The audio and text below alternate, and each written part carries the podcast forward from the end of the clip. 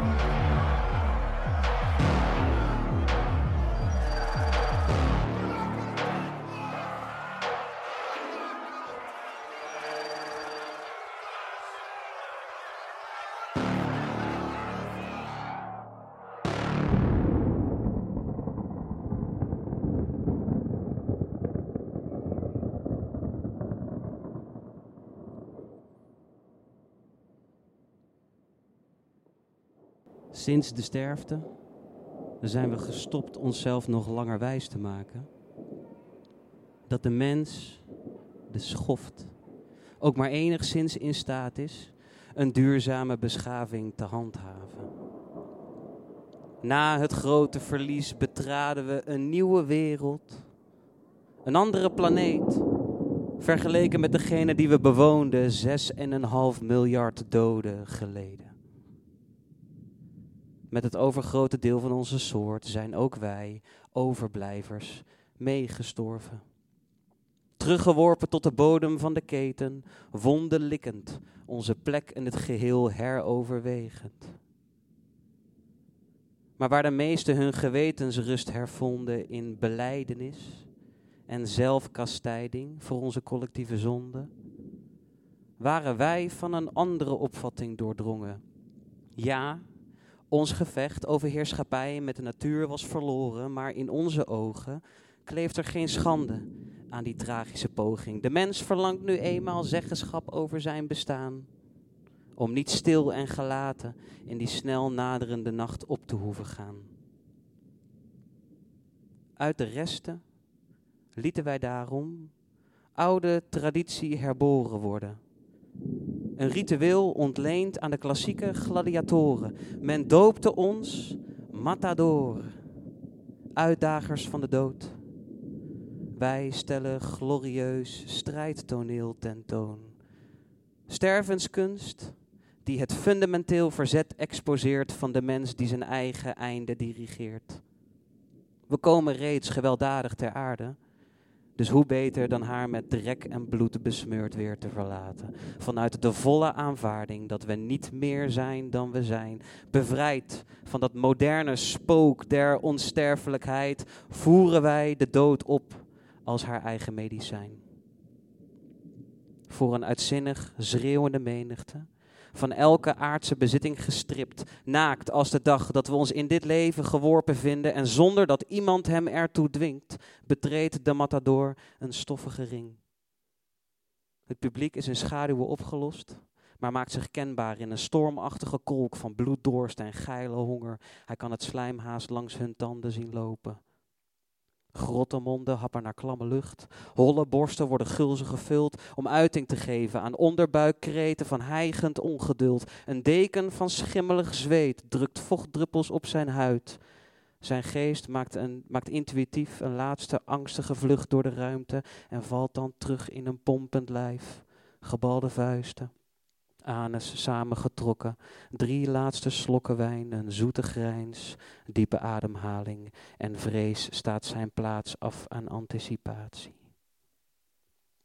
De matador is een krachtig metafoor van een harde les geleerd.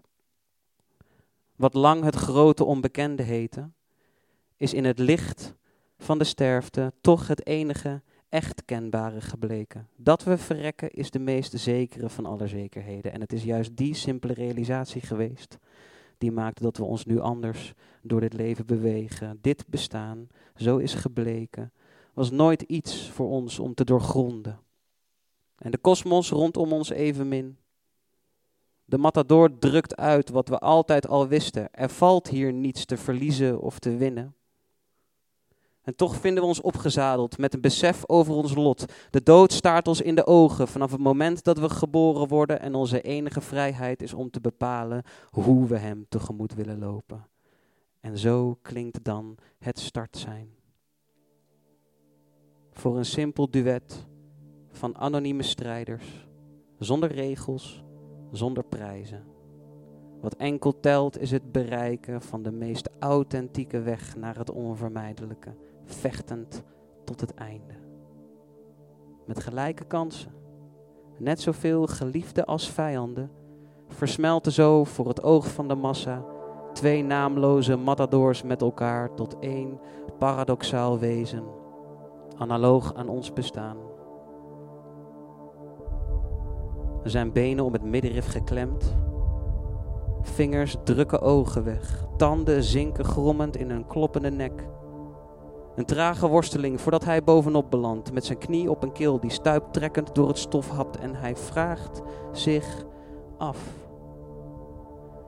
Wanneer was het voor het laatst dat hij een ander zo in de ogen heeft gekeken? Niet enkel naar het gelaat, maar echt zoekend naar wat er daarachter schuil gaat.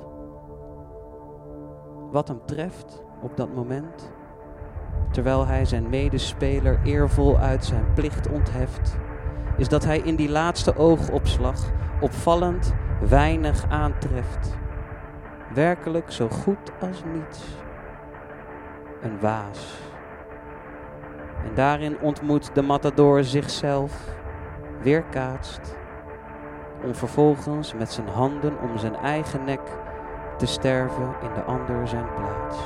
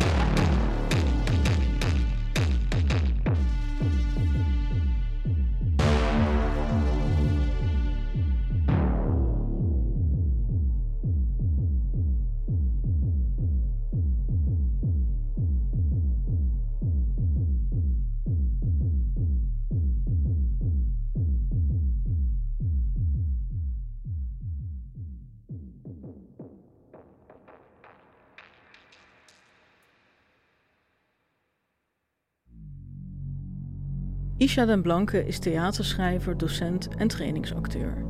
Als maker is hij verbonden aan jeugdtheatercollectief Alter en productiehuis De Nieuwe Oost, waar hij artistiek producent is van verschillende podcasts. Als dichter won hij de Spoken Award voor Storytelling in 2017. Zijn spoken word hoorspel Danny Jenny, waarvoor Bastiaan Benjamin de geluidsvormgeving deed, werd bekroond met de NTR Podcastprijs 2020.